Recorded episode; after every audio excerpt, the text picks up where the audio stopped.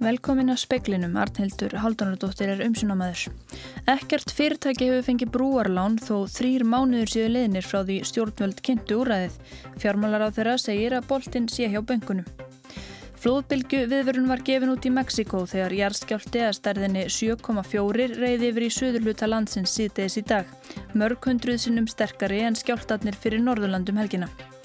Stjórnvöld standa við skuldbindingar sínar í loslasmálum fyrir árið 2030 og gott betur. Þetta er fullirt í uppfærðri aðgerðaáallun sem kynnt var í dag. Guðni T. Jóhannesson nýtur stuðnings mikils meiri hluta kjósenda í komandi fórsetakostningum samkvæmt nýri gallupkonum. 7% kjósenda heikjast kjósa Guðmund Franklín Jónsson. Og um miðlunar til að ríkisáttasemjara í kjara deilu hjókrunafræðinga og ríkisins verður samþygt á gerðardómur að skila úrskurði eigi síðar en 1. september.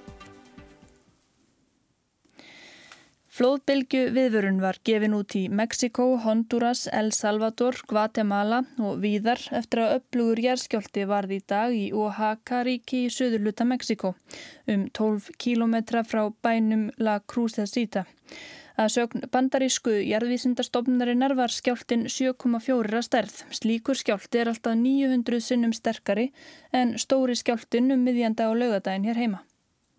Varað var við því að flóðbylgjan geti orðið alltaf þrýr metrar á hæði næst upptökunum og að svo fyrsta erið ekki endilega svo stærsta. Jafnvel var talið að hennar gæti á Hawaii og Peru í söðri en í litlu mæli þó. Jörð skalf um allan mið og söður hluta Mexikós. Í Mexikoborg í um 700 km fjarlað flýtti fólk sér út undir Bertloft þegar sírennur letu vita af skjáltanum. Háhísi skulfu svo að fólk sem þar var inni þurfti að halda sér meðan hann reyði yfir. Eh, frettir hafa enn ekki borist af skemdum eða manntjóni. Ríkistjóri Oaxaca eh, skrifaði á Twitter að greipið hefði verið til rástafana til að tryggja öryggi í búana. Almannavarnir voru einni virkjaðir í Mexikoborg og víðar í landinu vegna skjálftans. Bandaríska jarðvísindastofnunin áætlar miðað við stær skjálftans að innan við 100 hafi látið lífið og tjón sé líkast til minna en 14 miljardar króna. Áskir Tómasson saði frá. Ekkert fyrirtæki hefur fengið brúarlán. Þrýr mánuður eru liðnir síðan ríkistjórnin kynnti þetta úræði vegna COVID-19 faraldursins. Fjármálar á, afsaki fjármálar á þeirra segir að boltin sé hjá böngunum. Brúarlánin eiga að gera böngunum kleift að veita fyrirtækjum í rekstrarvanda lán með alltaf 70% ríkisábyrð. Bjarni Bindiktsson, fjármálar á þeirra, segir að stjórnkerfið sé búið að afgreða öll formsatriði í tengslum við lánin. Ég hef fulla skilning á því að fólk fólki finnir skrítið að það sé ekki búið að veita mörg af þessum lánum. Það er ekkert í sjálfu sér sem við getum gert meira í stjórnkerfinu. Nú er boltin komin út til bankana. Engin þeirra hefur veitt slík lán. Forsvarsfólk bankana segir að mörgu sé að huga við undirbúningin. Við munum fylgjast mjög náðu með því hvernig úr mun spilast og ég held að það sé í sjálfu sér ekki mælikvarði á mikilvægi úrraðisins hver staðan er akkurat núna í júnimánuði heldur væri næra að horfa til þess hvernig staðan verður í haust. Áru greiðslufrestirnir frá þá eru þessi tímabundnu sérstöku COVID-úrraði ríkistjórnarinnar sömulegis að tæmast og þá fyrst mun fyrir alvöru reyna á lána fyrir greiðslu með ríkisábyrð Ríkistjórnin kynnti í loka april stuðningslán fyrir minni fyrirtæki sem tryggði eru að fullu með ríkisábyrð. Skatturinn sér um framkvæmdina og vinnur að tæknilaust fyrir umsóknarformið sem Bjarni segir að verði tilbúin innan fára daga. Það kallar auðvitað á að í mildtíðinni þurfi fyrirtæki að fjármagna mæ, júni mánuð en eh, frá og með eh, svona ekki síðar ennum miðan júli þá verður við búin að hreinsa upp mæ mánuð og þá mun þetta ganga miklu hraðar fyrir sig að endur greiða vegna júni og svo áfram. Saði Bjarni Benediktsson, Holmfríður Dagni Fríðjónsdóttir tók saman. 15 nýjar aðgerðir bætast við uppfærða aðgerðaállun stjórnvalda í lofslagsmálum í fyrstu uppfærslu því hún var gerð árið 2018. Í kynningu ríkistjórnarinnar sítiðis kom fram að Ísland ætti eftir að ná markmiðum sínum um að draga úr losun gróðursaloftegunda um 40% fyrir árið 2030 og kólefnins hlutleysi fyrir árið 2040. Á meðal nýra aðgerða eru ívilnanir fyrir virka ferðamáta, orkuskipti í þungaflutningum, aukna innlenda græmitisframlegslu og fengun kólefnis frá stóriðju. Rættverður við Guðmund Inga Guðbrandsson umhverfisáðara síðar í speklinum. Það er skilda samfélagsins að gera fólki kleift að takast á við sorgina sem fylgir barnsmissi án þess að eiga líka á hættu að fjárhagurinn fari í rúst, segir þingmaður sjálfstæðisflokksins. Brynja Níelsson, þingmar sjálfstæðsflokksinn, spurði ásmundi Einar Daðarsson, félags- og barnamálar á þeirra á þingfundi í dag út í stuðning við foreldra sem missa ung börn sín. Sjálfur hefðan séð í störfun sínum sem lögumör hversu mikið áfall barsmissir geti verið fyrir foreldra. Sumi þurfa að leita sér aðstóðar og eru kannski líkt vinnufærir í nokkuð tíma sem er okkur öllum mjög skínanlegt. Þegar svo stendur á er auðvitað mjög bagalegt að í því ferli öllu saman að syrgjendur eða fóraldarins tilviki missi tekjur sínir að hluta eða öllu leiti. Og í mínum huga er það skilda okkar sem samfélags að styðja þá örfáu, örfáu fóraldar sem missa börn sín á hverju ári. Félagsmálar á þeirra sagði vinnu hafni í ráðinitunu við að undirbúa stuðning við foreldra en hún hefði tafist vegna COVID. Upplýsinga hefur verið aflað og leiða leitað.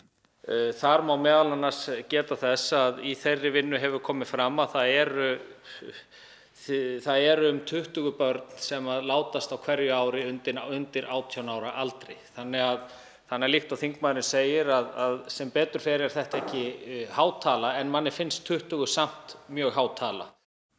Saði ásmundur Einar Daðarsson áður heyriðist í Brynjari Níelsinni, Brynjálfur Þór Guðmundsson tók saman.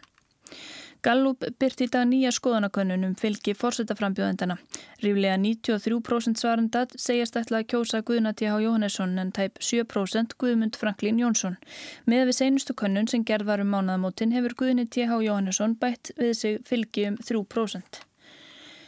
Íslensk stjórnvöld telli ekki lengur ástæðu til að vara fólk við ónöðsynlegum ferðum til Evrópu þar sem kórnuveru faraldurinn er í rénun í álfunni. Hins vegar er fólk ennvarað við ónöðsynlegum ferðum til landa utan Evrópu bæði vegna ferðatakmarkana og vegna sótvarnar ákvæða sem kunna verið gildi. Frangandarstjóri fjölmiðlanemdar segir að talsvert sé af myndrænum skilabúðum eins einhvers konar mýms á samfélagsmiðlum vegna komandi fórsetakostninga.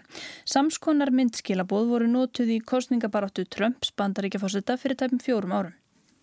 Elva Ír Gilvadóttir framkvæmdastjóri fjölmiðlanemdar segir að ekki sé verða rannsaka komandi kostningar frá sjónarhóli upplýsingaóreiðu og því ekki gott að segja til um hvað sé í gangi. En hún sem áhorfandi hafi tekið eftir notkun myndskilabóða á samfélagsmiðlum. Það hefur náttúrulega líka verið í aðdraðanda sko svona alþingiskostninga og svo framvegs en, en, en hérna en kannski ekki í þessu sama mæli e, í aðdraðanda fósettakostninga. Skilabóðin geta verið mynd eða stutt myndband, oft með texta, með fullirðingum eða skilabóðum. Stundum er verið að spila með óttafólks en líka er oft gert grín í þeim. Míms geta verið eins misjöfn og þau eru mörg og er oft beintað ákveðnum hópum. Míms hafa verið mikið nótuð í kostningabaráttum víða erlendis og þau voru mikið nótuð í aðdraganda kostninga í bandaríkjunum 2016 og eh, við sjáum það líka að e, það voru akkurat svona, svona myndræn skilabóð sem að var verið að, að eh, sem, að, sem að rússar eiga að hafa verið að, að posta á samfélagsmiðlum í bandaríkjunum og, og hérna og voru dregin e, tekin fram þarna af Facebook e, sagt, fyrir bandaríska þing Hérna, sem dæmi um, um svona skilabóð eða auðlýsingar sem að, að rúsarnir eiga að hafa keift þar í landi. Þetta var Elva Ír Gilvadóttir, Bergljótt Baldursdóttir talaði við hana. Eldhúsdags umræður fara fram á alþingi í allt kvöld þótt fórseti alþingis og fórsetis nefnd hafi tekið ákverðun í gær um að fella starfsáallun þingsins úr gildi. Þótt þingmenn viðflokksins hafi tekið ákverðun um að ljúka síðari umræðu um samgöngu áallun fyrir dag likur ekkert samkominnlag fyrir um framhald þingstarfana. Rættverður við fórseti alþingis í fréttum sjónvarsklukkan 7 en bein útsending verður frá umræðunum í sjónvarpi og á rás 2 og hefst hún klukkan 19.30.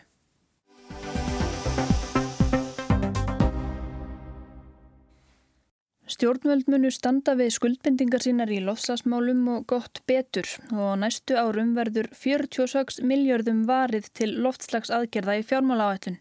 Þetta kemur fram í uppfærðri aðgerðaáallun stjórnvölda í lofslagsmálum sem kynnt var á bladamannafundi í dag eftir að hafa dreyjist ítrekkað. Katrín Jakobsdóttir, fórsættistráður að styrði fundinum. Ég myndi segja að stóru tíðindir í þessari áallun eru þau að við teljum okkur geta nátt þeim markmiðum sem við setjum okkur og þar rendum við í raun og veru svolítið blitt í sjóin þegar við kynntum þetta í Östubæðaskóla 2018 En nú segja útreikningar okkar sérfræðinga, okkar vísindamanna að við munum geta staðið við okkar skuldbyttingar annars við erum 40% samdrátt og hins vegar um kólefnislutleysi og það þýðir að við erum að uppfylla markmið Parísarsáttmálans þar sem Íslands hlutur er 29% inn í markmiði, sameinlegu markmiði Europasambatsins og Norris og Íslands um 40%. Raunar telja stjórnvöldsi geta gert meira en það. Katrín talaði um áhuga og frumkvæði atvinnulífsins í lostasmálum og saðist full vonar þó verkefnið væri um margt ókvænlegt. Í gömlu útgáfu aðgerðaráallunarinnar frá 2018 var að finna 34 fjármagnaðar aðgerðir. Gallin var að sumar voru ekki nógu vel útferðar. Þá hafði ekki verið metið hversu miklum árangri aðgerðina myndu skila fyrir árið 2030. Úr þessu er bætt í uppfærðri útgáfu. Af 48 aðgerðum var hægt að meta fyrirhugaðan árangur af 23. Niðurstaðan er svo að stjórnvöld eigi eftir að standa við markmiðsitt og gott betur í stað þess að losun mingi um 29% millir áruna 2005 og 2030 er búist við því að hún mingi um að minnstakosti 35% en stjórnvöld setja markið á 40%. Eins og í fyrri útgafu er mest áhersla lögð á orku skipti samgöngum og að binda kólefni í mýrum og skóum. Samtals eru aðgerðin nú 48 en í skýslunni voru kynntar 15 nýjar aðgerðir. Þar á meðal má nefna föngun kólefnis frá stóriðju, aukna innlenda grænmetisframleiðslu, vistvæna bílalegubíla og ýmsar aðgerðir þar sem ríkið gengur á undan með góðu fornæmi. Guðmundur Ingi Guðbrandsson, umhverfisáður að velkomin í speilin og til hamingju með áallununa sem lóksins er, er komin. Hvers vegna dróst hún svona lengi? Mér skilst að það vátt að kynna hana í september í fyrra. Já, allir það sé nú ekki fyrst og fremst bara vegna þess að þetta er umfangsmikið verkefni sem hefur kallað á mikla samhæfingu millir ráðunetta. Það eru sex ráðunetti, sjö ráðherrar sem að koma að þessu og síðan samband íslenska sveitafélaga sem að átti núna sæti í verkefnistjórn líka sem er ánæguleg viðbútt við hópin okkar. Þannig að um, núna er áallunin komin og skiptir miklu máli að þó svo að áallunin hafi dreyjist að þá höfum við samt sem áður verið að setja aðgerðir hverja fætur annari í framkvæmt. Það kemur um eitt fram að af þessum 48 aðgerðum sem að nú er stemt að því að komið framkvæmt þá sé þegar búið að setja 28 af stað og þá spyr maður sig kannski hvað þýðir það að það séu komnar af stað eða búið að taka einhver örlí til skref eða eru þær langt komnar hafa þær nú þegar stuðlað að samdrætti losun, vitið þið það? Já, þetta er kannski svolítið misjamt eftir því um hvaða aðgerðir að ræða. Í sömum tilfellum má segja að um, einhverjum aðgerðana sé í reynd lokið nema að það þurfi að, að bæta við þær eins og til dæmis má nefna aðgerðir sem að það sem að verið er að fella niður veriðsauka skatt til dæmis af reyðhjólum eða rafhjólum, þá má segja hún sé það, það sé búið að frankamana en það kann vel að vera að þurfi að bæta í aðgerðir síðar meir til þess að stöðla breyttum ferðamærinjum. Þetta er ekki það eina sem er gert.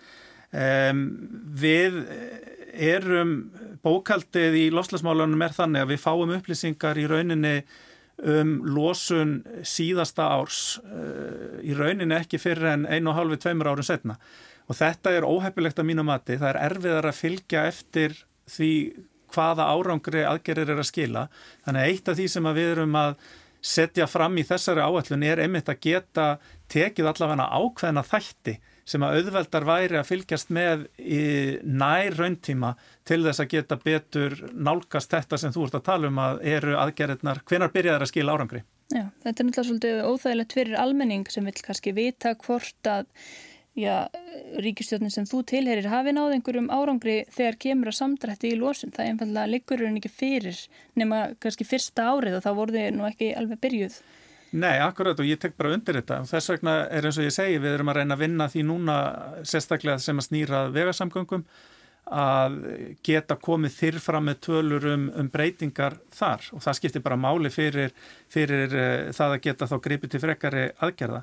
En ég held að við meðum heldur samt ekki gleyma því að það sem að þessi aðgerðaráallin er að gera, hún er að meta í rauninni með reikni líkanni sem okkar færistu vísindamenn hafa uh, þróað og hannað sem að byggir á sömu aðferðafræðu verið að nota annar staðar í, í kringum okkur að með þessu reiknilíkani erum við að segja að miða við þær aðgerðir sem að við getum nú þegar metið, erum við að ná meiru heldur en alþjóðlegum skuldbyttingum okkar og þegar við tökum þær aðgerði sem að ekki er enþá hægt að meta með reiknilíkaninu og leggjum mat á það, þá ættum við að geta farið upp fyrir 40% af samtrátt sem að er e, það sem að við stefnum að.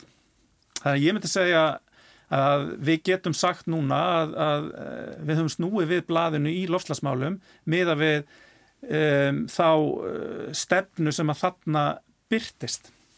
Já, uh, aðeins aftur að þessari áallin sem var kynnt 2018 því að þar voru kynntar þessar 34 aðgerir og þar að veru 28 komnar í framkvæmt. Það voru náttúrulega skilgrendir ákveðinir árangusmælikvarðar þá sem að þið ætlu að nota og styðjast við til 8 gráði hvort árangur hefði náðust. Hafið þið, eh, getur þú svona grundvalli þeirra sagt mér hvar þið hafið náð mestum árangri á þessum tíma? Nei, ég get ekki uh, dreyið það sama fyrir þig hér og nú og eitt af því sem að þessi nýja áallun er að gera er að setja mun nákvæmari og betri mæli hvarða fram til þess að metta þetta. Og það var eitt af því sem við lögðum upp með uh, í þessari vinnu sem við erum núna að skila af okkur, mæla árangurinn eins og hægt er og setja nákvæmari mæli hvarða. Við vitum það öll að áallunin sem að koma út 2018, hún var ekki síst til þess að koma okkur af stað Þannig að aðgerðir færu og kæmi til framkvæmdar og kannski engin geimvísind á bakvið að við þurftum að takast á við orkuskipti í samgöngum. Þar var mesta losunin á betni ábyrð uh, Íslands og sama með kólefnisbindinguna að, að ráðast í aðgerðir þar til þess að stöðla að, að kólefnislutleysi. Það talaði um að losunin þurfa að dragast eh, saman línulega það því að eitthvað þarf að gerast á hverju ári niður á við. Um, og það þýðir sérst ekki að redda þessu öll árið 2029 uh, hafið þið lagt upp hvernig á að gera þetta? Er sérst áallinu nógu vel tímasett og hvert markmið fyrir sig? Já, sko reikni líkanir gerir ráð fyrir því að við séum að ná þessari uh, þessari þessum samdrætt í lósun, hann er ekki alveg línulegur, hann, það, það er einhver stökk í honum. En þegar þú horfir á í rauninni ferilinn á grafi að þá Eh, þá er hann að skil okkur þessum heildar árangri árið 2030 og hann er ekki að gerast á milli ásins 2029 og 30 heldur er hann að gerast yfir allt tímafili og það er mjög mikilvægt og hefur einmitt verið gaggrind við fyrir áallununa, hafa ekki verið hægt að sína fram á. Þannig að ég vil meina núna séum við að sína fram á að, að þetta horfi, horfi miklu betur við. Þetta er risa verkefni að draga svona mikið úr losun. Uh, Nú er eh, skilsmér um þriðjungu losunarinnar sem Ísland ber ábyrða á. Hann kemur frá vegasamgöngum, losun samgöngum á landi og losun frá þeim hefur aldrei verið meirinn hún var 2018 og hún þarf að draga saman að um 40% á tíu árum. Eh, það er náttúrulega jáka tekna lofti, 50% tæpun ískræðura bíla árnur, vistvænir eins og það er kallað, 10% nota eh, einhverja vistvæna orkvíkja af einhverju leiti En á sama tíma náttúrulega er verið að flytja inn bensín og dísilbíla og landsmönnum fjölgar. Eh, hvernig á að ná þessu markmiði? Já, þessu markmiðum á að ná með því að uh, veita afslátt af uh, eh, virðsauka skatti þegar keftir eru þessir umhverfisvætni bílar sem er ju ástæðan fyrir því að við erum komin í annarsæti í heiminum yfir nýskráða já, vistvætni bíla á, eftir Noregi. Hefur verið að bæta í þar því að nú finnst mörgum enn auðveldar að kaupa bensinbíl en, en, og, og ódýrar að kaupa bensin eða dísilbíl en rafbíl? Eh, við höfum í rauninni framlengt núna einu sinni eða tvið svo er ég held í tvígang þessi ríkistjórn þá það er ívilnani sem að hafa verið í gangi en við höfum bætt við ívilnunum þar að segja niðurfelling á virðsökarskatti þegar kemur að strætó og reyðhjólum og rafhjólum og rafhlaupahjólum núna uh, nýverið þannig að það eru mikilvæg skref líka til þess að koma okkur uh, frá því að, eða til þess að breyta ferðavennjum og vera ekki svona óskaplega háð í rauninni engabílnum. En aðrar aðgerir snúa náttúrulega líka því að bæta innviðan út um allt land þegar kemur að rafleðslustöðum. Ég sé líka heilmikla möguleika í metani sem við erum ekki að nýta nægilega mikið eh, til þess að knýja áfram bæði fólksbíla en mögulega líka þungaflutningabíla og við erum með aðgerði í, í áallinni sem að hveður áum að fara í greiningar á því með hvað hætti við getum Eh, tekist á við eh, þungaflutningarna og komið með tillögur þar að lútandi þannig að, eh, og það sama eru við í rauninni vegferðir að fara í, í sjáarútveginum og, og landbúnaðinum og einni byggingarðinanum. Þannig að ég myndi svona segja Eh, við nálgumst þetta skref frá skrefi og við tókum þá stefnu strax í upphafi að kynna aðgerðar áallun 2018 sem væri fjármagnuð og eh, höfum haldið áfram á þeirri leið til þess einmitt að koma aðgerðunum í vinnu ef að svo má orði komast sem allra allra fyrst. Ætlið eitthvað að hækka kólefnisgjaldi frekar og myndi það þá renna í lofslagsækjarir? Kólefnisgjaldið var hækkað eh, í upp upphafi kjörtímabilsins um 50% og hefur síðan verið hækkað um 10% um, tvisasinnum síðan þá en það er ekki gert ráð fyrir því þessari áætlun að hækka það frekar en það er náttúrulega alltaf eitthvað sem þarf að taka til skoðunar og vettvangi stjórnmálana. Það talaði um að 46 miljardar hafi verið eirnamertir loslasaðgjörðum í, í fjármálagállun. Er þetta nýtt fjármagn eða er bara verið að draga þetta saman í, í, í áalluninni? Já, það er í rauninni hvoru tveggja. Það, við erum að í rauninni að, já, 2018 ef við förum aftur þanga þá sögðum við 6,8 miljardar fylgja þessar áallun. Þeir eru í rauninni nýju núna á 5 ára tímabili í staðin fyrir að vera 6,8 sem að fara eru sérstaklega eirnamertir aðgerðum En núna erum við búin að draga saman hvað eru virðisaukaskattsafslættinni mikið, það eru um 14 miljardar ef í mannetari og síðan er náttúrulega að koma inn gríðarlega mikil innspýting þegar kemur á samgöngumálunum, bæði sem varðar borgarlínu, eh, almenningssamgöngur og hjóla og, og, og göngustíga. Þannig að þetta er, eh, þetta er stór hlut af þessu er, er nýtt fjármagn. En, en eins og þú segir við erum líka að draga betur saman hvar eru stæstu póstarnir þegar kemur að fjármögnun þessa málaflokks. Já. Svo á eitthvað að bæta eftirfylgni og það kemur fram með mitt í aðgerraállinu sé að það er hveðið áum að ef að mælingar gefa til kynna að losun í framtíðinu verði meiri en skuldbendingarnar leifa að þá eigi umhverju svo vildar á þeirra að, að grýpa inn í og gera viðegandi ráðstafinir. Þetta er nýtt, er það ekki? Þetta er nýtt og þetta sýnir bara að okkur er alvara með því að takast á við lofslagsvana. Að setja, eða semst hugmyndin er að setja inn í lög að við þurfum að standa við þær skuldbyttingar sem við höfum sagst ætla að, að, að standa við og það sé þá eftirfylgni. Og ég vil nefna líka á förstu daginn í síðustu viku var ákveði í ríkistjórn að búa til eh, fasta ráþæra nefnd um lofslagsmál, slíkar nefndir eru til um jafnbrettismál og um efnahagsmál og, og ríkisfjármálinn og þar með er komin vettvangur til þess að fara í kannski markvisari eftirfylgni í öllum ráðuneytum því að ábyrðin er jú skipt á milli mjög margar ráðuneyta. Það eru átta ráþeirar í þessari e, ráþeiranemnda af 11. Þið ætlaði að hafa aðgerra áallina aðgengil á netinu núna á síðan co2.is og uppfæran á stöðut þar þannig að vantala verður þú ekki óbreytt í ári í viðbót tæft en eh, ég þakkaði fyrir komina í speilingu um dringi. Takk kærlega fyrir.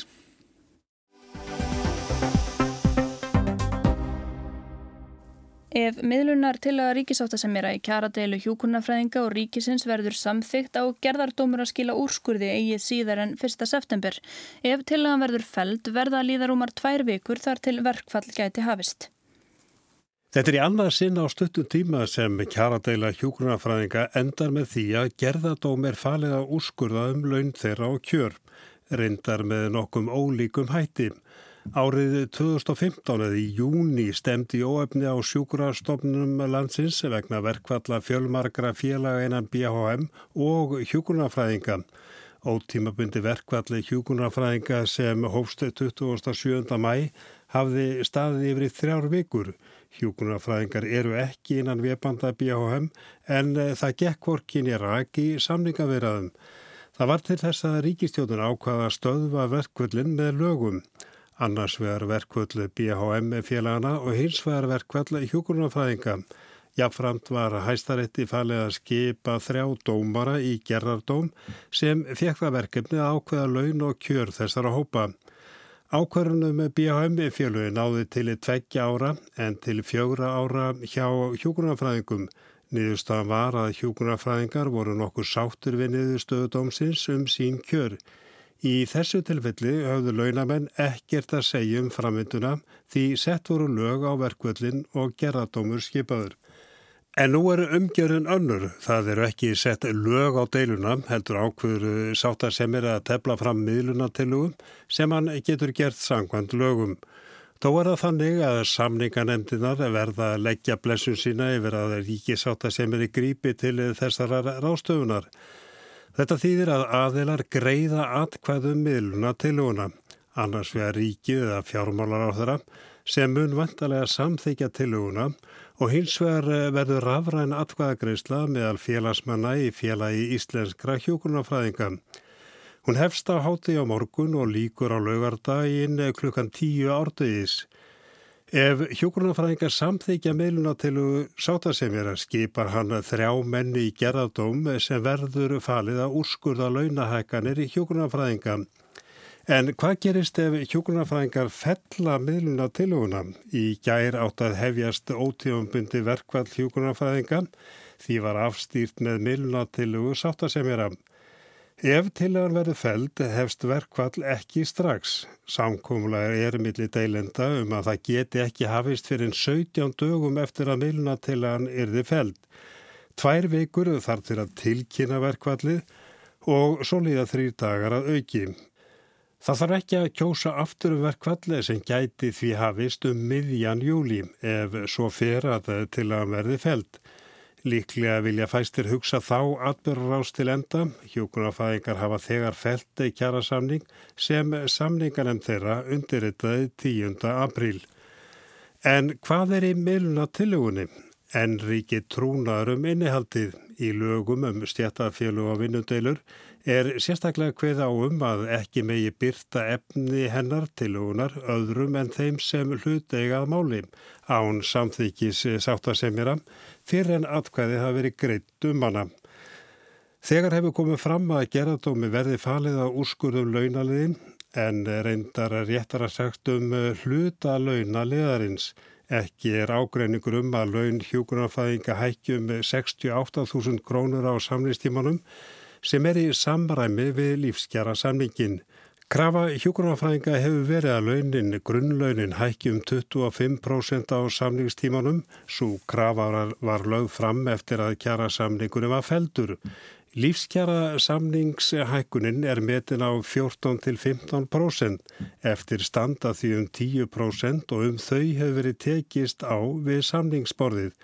Ríkið hefur ekki vilja fallast á þá hækkun. Hún gæti sprengt fórsendur lífsgerðarsamningsins og eh, það er ríkið ekki tilbúið að fallast á. Aðkoma ríkisins að lífsgerðarsamningum á almenna markaðunum fól í sér að semja ekki um meiri hækkanir við ofinbæra stafsmenn. Sjálf miðluna til að ríkisáttasemjara er í raun aðeins tvær greinar þar sem vantalega er gerð grein fyrir því hvert hlutverk gerðardóms eigi að vera. Hins vegar er fylgiskjál með tilugunni um 30 síður. Ekki hefur tekist að ná samkómulægin launaliðin en samningar hafi raun tekist um öll önnur atriði. Þar ber hæst stytting vinnuvikunar hjá vaktafinu fólki sem felur klárlega í sér eða getur falið í sér talsverða launahækun. Það fyrirkomulag á ekki að taka gildi fyrir niður mæ á næsta ári. Ef miðlunatillagan verður samþýgt tekur gerðardómur til starfa og fær tíma fram til 1. september í síðasta lagi til að skila úrskurði. Hins verður ljóst að aðrir hópar býða líka eftir þeirri niðurstöðum, þá til dæmis við um lauruglumenn og lækna sem á eftir að semja við. Niðurstaðan gæti líka haft áhrif á viðþóru verkarlýsreifingarinnar þegar kemur að því að meta fórsundur kjærasamninga á almennu vinnumarkaði í haust. Arnar Páll Haugsson tók saman. Það var meðal efnis í speklinum í kvöld að ekkert fyrirtæki hefur fengið brúarlán þó þrýr mánuður séu liðnir frá því stjórnvöld kynntu úræðið. Fjármálar á þeirra segir að boltin sé hjá bengunum. Flóðbylgu viðvörun var gefin út í Mexiko þegar jarðskjálti að stærðinni 7,4 reyði yfir í söðuluta landsins síðdeis í dag. Mörg hundruðsunum sterkari en skjáltatnir fyrir Norðurlandum helgina. Guðni T.H. Jóhannesson nýtur stuðnings mikils meirulöta kjósenda í komandi fórsetakostningum sangat nýri Gallup-könnun. 7% kjósenda higgjast kjósa Guðmund Franklín Jónsson. Og veðurhorfur suðustan 8 til 13 metrar á sekundu og rigning á sunnanverðurlandinu, hægari vindur og skúrir á norður og vesturlandi. Suðlæg eða breytilega 8 3 til 10 á morgun, rigning á suðausturlandi og austfjörðum, skúrir í öðrum landslutum og sumstaðar hellið dembur á suður og vesturlandi eftir hátegi og mögulega eldingar og hagljel á stökustað. Híti við á bylnu 10 til 16 stygg. Það var ekki fleira í speklunum í kvöld. Tæknimaður var Mark Eldred. Verið sæl.